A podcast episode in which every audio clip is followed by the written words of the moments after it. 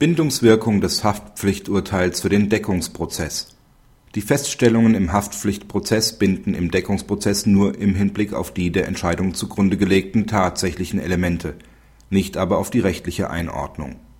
In einem Regressprozess gegen einen Rechtsanwalt und Notar wurde dieser zum Schadensersatz nach § 280 BGB aufgrund einer Verletzung des Treuhandvertrags (hier unverzügliche Weitergabe eines Scheckbetrags) verurteilt.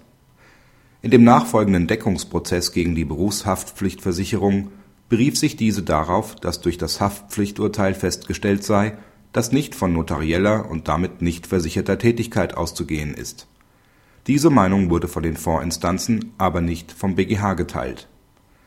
der BGH bestätigte zwar, dass sich aus einem rechtskräftigen Haftpflichturteil eine Bindungswirkung für den nachfolgenden Deckungsprozess ergibt, soweit es um den dort festgestellten Haftungstatbestand geht, maßgeblich ist hierbei der äußere Tatbestand der Pflichtwidrigkeit, nicht jedoch dessen rechtliche Einordnung.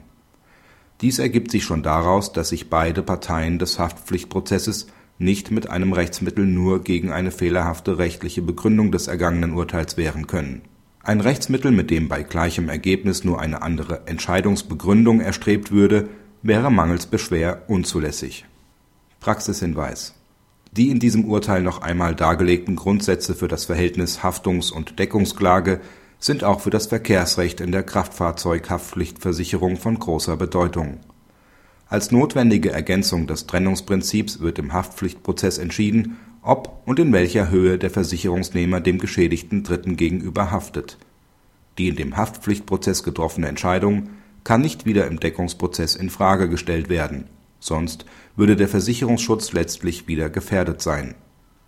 Allerdings ist, wie auch das besprochene Urteil zeigt, genau auf den Umfang dieser Bindungswirkung zu achten, das heißt es nehmen nur die Feststellungen daran teil, die für die Entscheidung im Haftpflichtprozess maßgeblich sind.